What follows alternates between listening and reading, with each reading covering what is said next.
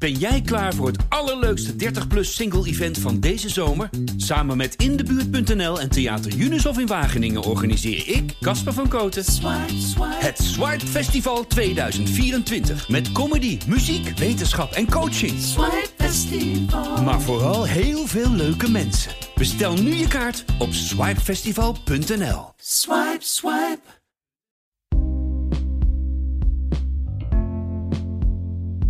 Hallo, mijn naam is Pieter Klok. Ik ben hoofdredacteur van de Volkskrant en dit is een nieuwe aflevering van de Volkskrant Elke Dag. De dagelijkse podcast waarin we de achtergronden bij het nieuws bespreken en vooral ook proberen te schetsen hoe de wereld op tal van terreinen onder onze ogen aan het veranderen is. En vandaag gaan we naar Bakhmut, een stad in Oekraïne waar heel zwaar strijd wordt geleverd, al maandenlang. Ehm, en daar gaan we uitgebreid over hebben hoe die strijd eruit ziet, welke rol Wagner daarin speelt. Eh, dat gaan we doen met aan mijn rechterhand uh, Bert Lanting. Welkom Bert. Goedemorgen. Hij, hij, was in de jaren negentig al correspondent in Rusland en bent het land altijd blijven volgen tot op de dag van vandaag. Aan mijn linkerhand uh, Arnoud Brouwers. Welkom. Goedemorgen. Arnoud is officieel diplomatiek redacteur in Den Haag. En houdt ook al vanaf het begin van de oorlog de verwikkelingen heel nauwkeurig in de gaten. Schrijft er ook vaak over, was al veel vaker te gast. Uh, Arnoud, om bij jou te beginnen. Wat, weten we nu precies? Hoe gaat het in Bakhmut? Ja, goede vraag. Moeilijk te beantwoorden. We weten dat er inderdaad heel veel slag wordt geleverd. Zeg maar met een intensiteit die de mensen die daar aan het front al langer zijn, uh, eigenlijk nog, nog veel feller noemen dan een maand of anderhalve maand geleden. Dus dat betekent dat een enorme druk staat op die Russische aanval uh, vanaf uh, verschillende kanten op die stad. Er wordt melding gemaakt van ook soms echt vuistgevechten. Dus het gaat in die stad soms om een huis wat veroverd moet worden. Dus uh, het is ook hele intense, nabije gevechten. En verder, uh, ja, het model wat inmiddels natuurlijk al een beetje bekend is geworden, uh, wat Wagner gebruikt. Dat ze dus eerst die, die, die golven, zeg maar, het slagveld opsturen. dat doen ze trouwens ook in de stad, maar ook, ook daarbuiten. Uh, waar het nog veel dodelijker is. En uh, ja, de Oekraïners hebben daar, in het begin keken ze er met uh, verwondering naar, omdat het een soort absolute opoffering van mensenlevens is. Ja, want ze hebben zich allebei ingegraven in, in loopgraven en de Russen sturen dan bij tijd en wijle ineens weer allerlei mensen gewoon het veld in waar ze... Ja, maar ze doen dat vrij systematisch en dat zijn kleinere groepjes. En die eerste golven, dat zijn dan uh, de mensen die echt niet kunnen vechten. Dus uh, de niet getraind zijn, ex-gevangenen. Die schakelen de Oekraïners uit. Maar mm-hmm. terwijl ze dat doen, raken ze ten eerste vermoeid. Hè, want, want dit is gewoon strijd leveren. Uh, en ten tweede tonen ze waar ze zitten. Mm-hmm. Dus zij zeggen van ja, het is toch een geslepen strategie. Omdat er dan later op de dag komen dan de, de meer professionele strijders. En die weten dan wel waar we zitten. En uh, dan worden we wel uh, door mortieren uh, op afstand worden we wel kapotgeschoten. Ja. Dus het is voor allebei de kanten een vreselijk pijnlijke en ook bloedige strijd. En ook een uitputtingsslag inmiddels. Want hoe lang is die, is die strijd al gaande? Is ja, dat is, zit volgens mij in de achtste maand nu. Ja. En dat is natuurlijk ook waanzinnig. Hè? Het is daarmee ook eigenlijk een soort centrale slag geworden van, van de laatste maanden voor beide zijden ook aan de Oekraïnse kant heeft het een soort symboolfunctie gekregen van uh, we laten ons niet knechten en uh, ze moeten heel veel Russisch bloed vergieten om, om één vierkante meter Oekraïns land te veroveren. Dus puur om te laten zien, dit kost het je als je een heel klein stukje van ons land wil veroveren. Ja, en er zit ook wel natuurlijk een militaire gedachte achter, namelijk dat de bedoeling althans is van kijk, de aanvaller sowieso verliest meer, krijgt meer slachtoffers dan de verdediger. Maar hier is dat zo buitensporig het geval dat de Oekraïners ook zeggen van ja, op deze manier zeg maar bloeden we het Russische leger dood. Hè? Uh, dus Ja. die verliezen hier hun aanvalskracht eigenlijk in dit stadje. Maar ja, ondertussen heb je ook andere experts die zeggen van ja, maar de prijs die Oekraïne betaalt is ook hoog. En dat wordt ook wel bevestigd door uh, een paar hele goede reportages die ook weer recent van dat uh, front vandaan komen. Mm-hmm. Uh, en waarin die Oekraïnse frontsoldaten ook buitengewoon negatief eigenlijk zijn over hoe het gaat. En wat zeggen ze dan precies? Nou ja, die hebben toch, toch deels ook dezelfde klachten als de Russen hebben. Namelijk dat er ook eenheden zijn die niet goed zijn getraind, die niet wisten dat ze meteen naar het front gingen, maar daar toch terechtkomen. Sommige eenheden die bijvoorbeeld s'nachts naar een positie worden gebracht aan het front, zonder dat ze dat noodzakelijkerwijs verwacht hadden. En dan opeens in een pure hel ontwaken. En ja, daar vallen het dan ook heel veel slachtoffers. Een, ander, een ander punt wat, wat telkens terugkomt, ook aan de Oekraïnse kant, is echt een desastreus gebrek aan, aan, eh, munitie. Dus onze zeg maar, theoretische discussies hier in het Westen over wanneer dit en dat en misschien kan het wat sneller of misschien niet, daar worden daar dagelijks eh, de gevolgen uh, eigenlijk van gevoeld. En dat, dat merk je heel sterk uit die verhalen van het front. Mhm. dat de Oekraïners zeggen van luister, we hebben echt absoluut niet genoeg vuurkracht en niet genoeg munitie. En dat is al heel lang zo. Maar ze hebben, want het ging heel lang over materieel, hè? van hoeveel tanks en hoeveel houwitsers. En eigenlijk niet over wat je erin stopt, de kogels en, en granaten die je nodig hebt om, om, om zo'n oorlog uh, op volle kracht nou, te kunnen voeren? Daar, daar gaat het natuurlijk ook al langere tijd over. Maar in het begin speelde dat waarschijnlijk nog iets minder, omdat er gewoon toen ook meer westerse voorraden nog waren. Mhm. Nou ja, eerst had je natuurlijk de oude Sovjet-voorraden. Toen kreeg je over, overschakeling op westers materieel. En daar waren ook nog wel westerse voorraden. Maar ja, ik ben met je eens, vrij laat is mhm. dat besef echt goed doorgedrongen, ook tot Europese politici, uh, die bijvoorbeeld daar vandaag uh, in EU-verband over spreken, dat zij gewoon de, hun eigen productie echt zo snel mogelijk moeten opkrikken. Maar zoals François Heijsboer zei in dat uh, stuk vandaag in de krant, dat, dat kost gewoon anderhalf jaar en dat kan niet sneller. Dat, kan, dat kunnen we niet sneller optuigen. Nee, ja, je kunt wel uh, munitie die er al is, die kun je opkopen. Ja. Daar zijn ze vandaag ook mee bezig. Maar je kunt niet die, zeg maar, de industriële productie van munitie, dat is niet zo makkelijk om dat even 1, 2, 3 En om dat te visualiseren, wat, wat voor type munitie is nu het meest behoefte aan? Of waar zijn de tekorten het grootst? Nou ja, dan heb je het toch over artillerie. Dus dan heb je het over die 155 mm granaten, maar ook mortiergranaten dat gevecht dat wordt steeds zeg maar, dichter bij elkaar gevoerd. Mhm. Dat betekent dat je ook ander geschut vaker gebruikt. Nou, ook op dat vlak zeggen de Oekraïners aan het front wij hebben niet genoeg. Nee. En uh, dat kost ons veel levens. Maar hoe kan Europa het oplossen? Want je hebt een paar grote wapenfabrikanten. Rijnmetaal in Duitsland wordt vaak genoemd. Die kunnen nog wel opschalen. Uh, maar in je verhaal had je het volgens mij ook over een Bulgaarse wa wapenfabriek. Zijn ze nu overal in Europa aan het zoeken waar we in godsnaam deze munitie kunnen ja. produceren? Ja, en uh, vandaag hebben ze het er dus over in EU-verband van... er zijn fabrieken die munitie produceren ook, ook in EU-landen... Dus hoe kunnen we dat versnellen en hoe kunnen we daar snel eh, grote contracten mee sluiten en hoe kunnen we desnoods daarin investeren? Ja. En dat is heel interessant, want daarmee begeeft de Europese Unie zich eigenlijk op een vlak wat eh, volgens de verdragen schijnbaar ook uh, niet echt kan. Uh, mm hè? Namelijk ja, de gezamenlijke productie en aanschaf van uh, munitie en wapens. en er zijn er wel allerlei manieren om dat dan toch te kunnen doen. En, maar goed, dus die, dat gevoel van urgentie, dat bestaat daar nu wel. Maar ja, het is wel een jaar sinds de tweede invasie van, van uh, Oekraïne door Rusland. Ja, eh, Bert, eh, ik, ik wil even naar de Russische kant. Uh, Bakhmut was ook voor Wagner heel belangrijk. die wilde eigenlijk daar laten zien hoe, hoe sterk ze waren en, en waartoe ze allemaal in staat waren. Hoe is dat gegaan sindsdien? Nou ja, dat is nog steeds uh, voor Prigozhin, de baas van uh, Wagner, is dat een heel belangrijk punt. hij heeft echt een prestigeproject gemaakt van uh, Bakhmut. de Russen spreken over Artyomovsk, die plaats. Er wordt wel gezegd van het is strategisch misschien niet de allerbelangrijkste stad. Maar natuurlijk is het toch wel zo. Het opent wel de weg naar twee andere belangrijke steden die ze in handen willen krijgen: Sloviansk en uh, Kramatorsk. Maar bovendien, zoals Arnoud al zei, het is een symbolische slag aan het worden.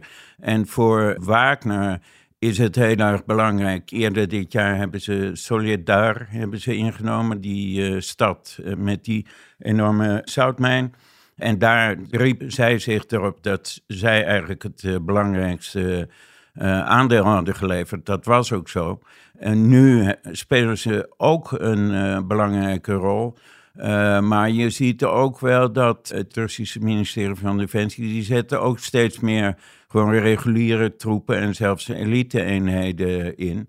Maar ja, Wagner die uh, opereert inderdaad, zoals Arnoud uh, zei, ja, voornamelijk met het uh, sturen van kanonnenvoer naar de dus stad. dat zijn voormalige gevangenen en ook nog reservisten, of niet? Of vallen reservisten nee, nee, altijd nee, onder die het vallen reguliere onder het reguliere leger. Oké, ja. dus het, het, zijn allemaal huurlingen. Ja, maar de laatste tijd schijnen ze toch veel meer van hun ervaren Wagner uh, mensen die ook in uh, Syrië en in andere landen hebben gevochten, of ook al eerder in Oekraïne, schijnen ze in te zetten bij Ja. deze slag. Maar hoe werken die twee dan samen, het reguliere Russische leger en Wagner op zo'n plek? Nou ja, de hele tijd was er eigenlijk de indruk dat zij een echt onderdeel vormden van het leger. Maar de laatste tijd is er toch echt duidelijk sprake van een enorme rivaliteit.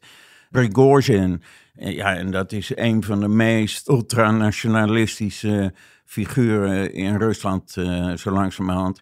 Die wil absoluut bewijzen dat zijn troepen het sterkste zijn en eigenlijk beter opereren dan het reguliere leger. En hij krijgt daar ook, uh, als je die militaire bloggers leest, dan die geven hem vaak gelijk. Die, die willen dat Rusland er veel harder op loslaat. En Prigozhin die is uh, gewoon bereid een heel groot deel van zijn Wagner-leger aan dit uh, project uh, op te offeren. Ja. ja, je ziet met die rivaliteit met het leger, ja, hij maakte echt gewoon openlijk ruzie met minister van Defensie Shoigu en met de chefstaf van de Russische strijdkrachten Gerasimov. En dat is echt ongehoord. Maar dat is toch onhandig als je samen zo'n stad wil veroveren? Ja, het rammelt toch echt ja. binnen de Russische troepen daar. De laatste tijd zie je ook dat die uh, uh, reservisten die gemobiliseerd zijn en naar Oekraïne worden gestuurd, die klagen ook dat ze meteen naar het uh, front worden gestuurd met onvoldoende bewapening, vrijwel geen artilleriesteun. Soms ook helemaal niet uh, verkenning vanuit de lucht. Dus ze weten eigenlijk nauwelijks waar ze zijn en waar ze mee bezig zijn. Ja, het opvallende is dat sommige van die eenheden, ja, die, die komen gewoon openlijk in opstand. Die, uh, die richten zich tot uh, Poetin. Die zeggen, ja, onze commandanten sturen ons gewoon de dood in. Dus je hebt Wagner om het even uh, grof samen te vatten, die, die zetten gevangenen in als een soort kanonnenvoer. Ja. En gaan volgens dan met hun elite troepen proberen uh, vooruitgang te boeken. Ja. Het reguliere Russische leger zet vaak onervaren reservisten in als kanonnenvoer, krijg je de indruk. Dat en, doen en, zij ook, ja. En hebben, eigenlijk doen ze hetzelfde, alleen met verschillende mensen. Ja, nou ja, het Russische leger op het ogenblik proberen ze wel uh, steeds meer, uh, zeker daar in die regio van Bakhmut, zijn ze bezig om daar echt uh, gewoon ervaren eenheden in okay. te sturen. Dus die gaan juist een beetje af van die oude strategie. Ze gaan nu gewoon de allerbeste mensen. De, de, in, ja. ja. Maar het beeld is dat daar ongelooflijk hoeveelheden soldaten sneuvelen. Op het ogenblik, ja, dat is enorm. Uh, er wordt gezegd dat aan de Russische zijde ongeveer vijf keer zoveel doden vallen dan aan uh, Oekraïnse zijde. Arnoud, in deze fase van de oorlog, Rusland heeft geen munitietekort. Hè? Dat is één. één nou, dat, in elk geval aan het front merken ze dat niet. Prigozhin heeft daar trouwens ook over geklaagd. Dat hij te weinig munitie kreeg ja, geleverd. maar relatief gezien zit dat, zitten die tekorten aan de Oekraïnse kant eigenlijk altijd al. En dat merk je nu extra hevig uh, met dit type strijd. Ja. Wat een, gewoon een soort uitputtingsoorlog is, waarbij je zoveel mogelijk munitie de andere kant op schiet. Ja. Maar het is ook zo, dit is ook sowieso een hele moeilijke periode. Uh, dus die Oekraïners hebben het moeilijk in Bakhmut. Het seizoen, het weer verandert. Uh, alles wordt modder. Dat is nu ook al aan de gang. Uh, en dat, dat is ongelukkig. Stel dat daar grotere terugtrekking moet gebeuren dan. Uh, en die laatste weg. Die ligt steeds vaker onder Russisch vuur. Mhm. En dat is ook wat de Britten gisteren vaststelden. Je ziet dat die Oekraïners ook steeds vaak gewoon niet meer de verharde weg kiezen. Maar uh, ja, dan komen ze in enorme modderpaden terecht. En dat is gewoon een ramp. Ze kunnen zich ook niet terugtrekken. Want als je dat over Nou, die verharde weg doet, dan word je meteen plat gebombardeerd. Dat, dat kan ik vanuit hier niet Nee. zeggen. Maar als ik bijvoorbeeld het telegramkanaal van, van de 46e uh, luchtmobiele brigade volg, die daar zitten, uh, dan hadden die op een gegeven moment een heel heel van ja, hoe dat toch die situatie verslechterd is. Ik zal even een voorbeeld noemen van twee dagen geleden. Dan zeggen ze, het, dus dit zoals het was en nu zoals het wordt. Bakhmut is onder controle. We gaan nergens heen. Alle wegen staan onder onze controle. Drie wegen vanuit Bakhmut staan onder onze controle. Twee wegen vanuit Bakhmut staan onder onze controle. Eén weg onder onze controle. De enige weg vanuit Bakhmut staat onder constante vuurcontrole van de orks, dus de, de vijand. En dan de laatste, waar ze nu zitten. Eenheden verlaten Bakhmut via de enige mogelijke route onder constant vijandelijk vuur en met zware verliezen. Ik kan dat niet verifiëren, maar... Maar dan raken ze gewoon opgesloten, zou je hieruit kunnen afleiden? Mm, nee, ik vind dat het heel moeilijk is om daar iets over te zeggen. Net mhm. zoals de hele legerleiding en Zelensky zeggen nu... wij blijven dat keihard verdedigen. Maar wij, wij zullen ja, pas over een tijdje weten precies wat er nou echt aan de hand is. Er zijn heel veel ook aanwijzingen van in elk geval gedeeltelijke terugtrekking. Dat is gewoon een feit. Maar of dat dan onderdeel is van een totale terugtrekking of niet, ja, ja dat, dat moeten we gewoon afwachten. Want er wordt ook gezegd, er gaan juist weer versterkingen naar die stad. Dus ja. dat, maar wat ik eigenlijk wilde zeggen is, deze fase is nu moeilijk en zware strijd, maar er komt natuurlijk een nieuw seizoen aan. Mhm. We moeten niet vergeten dat Oekraïne heeft begin dit jaar heel veel toezeggingen gekregen van westerse landen als het gaat om ja, niet alleen om wapens, maar ook om mobiliteit. Hè? Dus uh, gepantserde uh, gevechtsvoertuigen. Uh, niet alleen over tanks, maar ook heel veel andere soorten. Ja, daar zien experts toch wel kansen dit voorjaar om iets te proberen. om eigenlijk een soort tegenoffensief weer in te zetten. en daar is eigenlijk een beetje de hoop op gevestigd. Maar zoals François Heesboer zegt, van, ja, dat, dat succes zullen ze ook nodig hebben. Ook om die steun uit het Westen eigenlijk te behouden. Anders dan gaan mensen hier roepen van ja, maar dit heeft allemaal geen zin.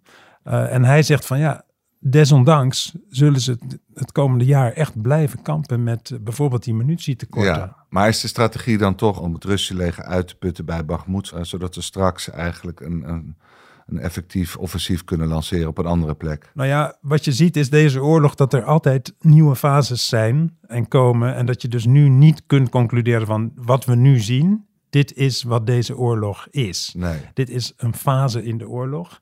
Er is ook heel veel gesproken over een Russisch offensief, wat nu plaats zou vinden.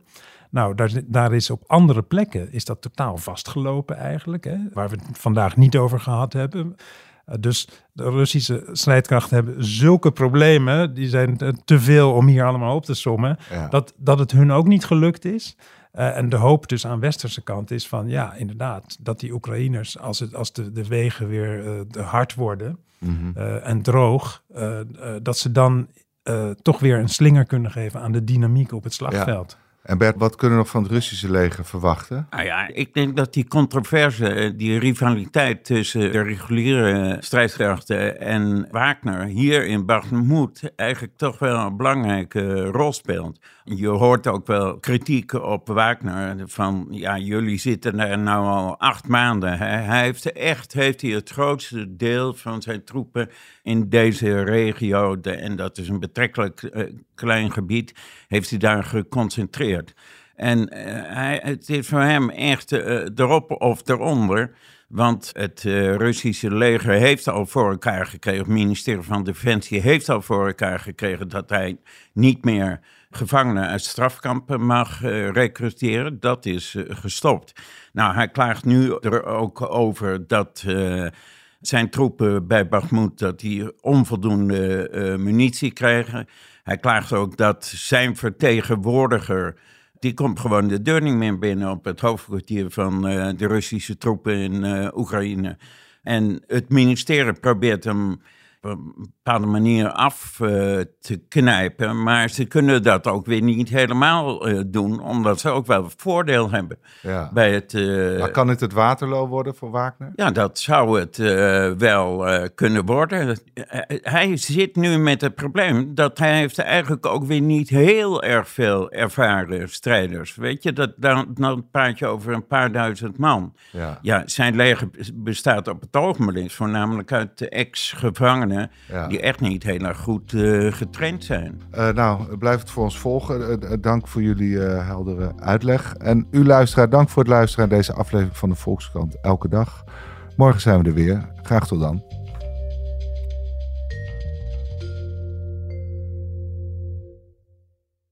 Ben jij klaar voor het allerleukste 30-plus single-event van deze zomer? Samen met Indebuurt.nl en Theater Junushof in Wageningen organiseer ik, Casper van Koten, het Swipe Festival 2024. Met comedy, muziek, wetenschap en coaching. Maar vooral heel veel leuke mensen. Bestel nu je kaart op swipefestival.nl. Swipe, swipe.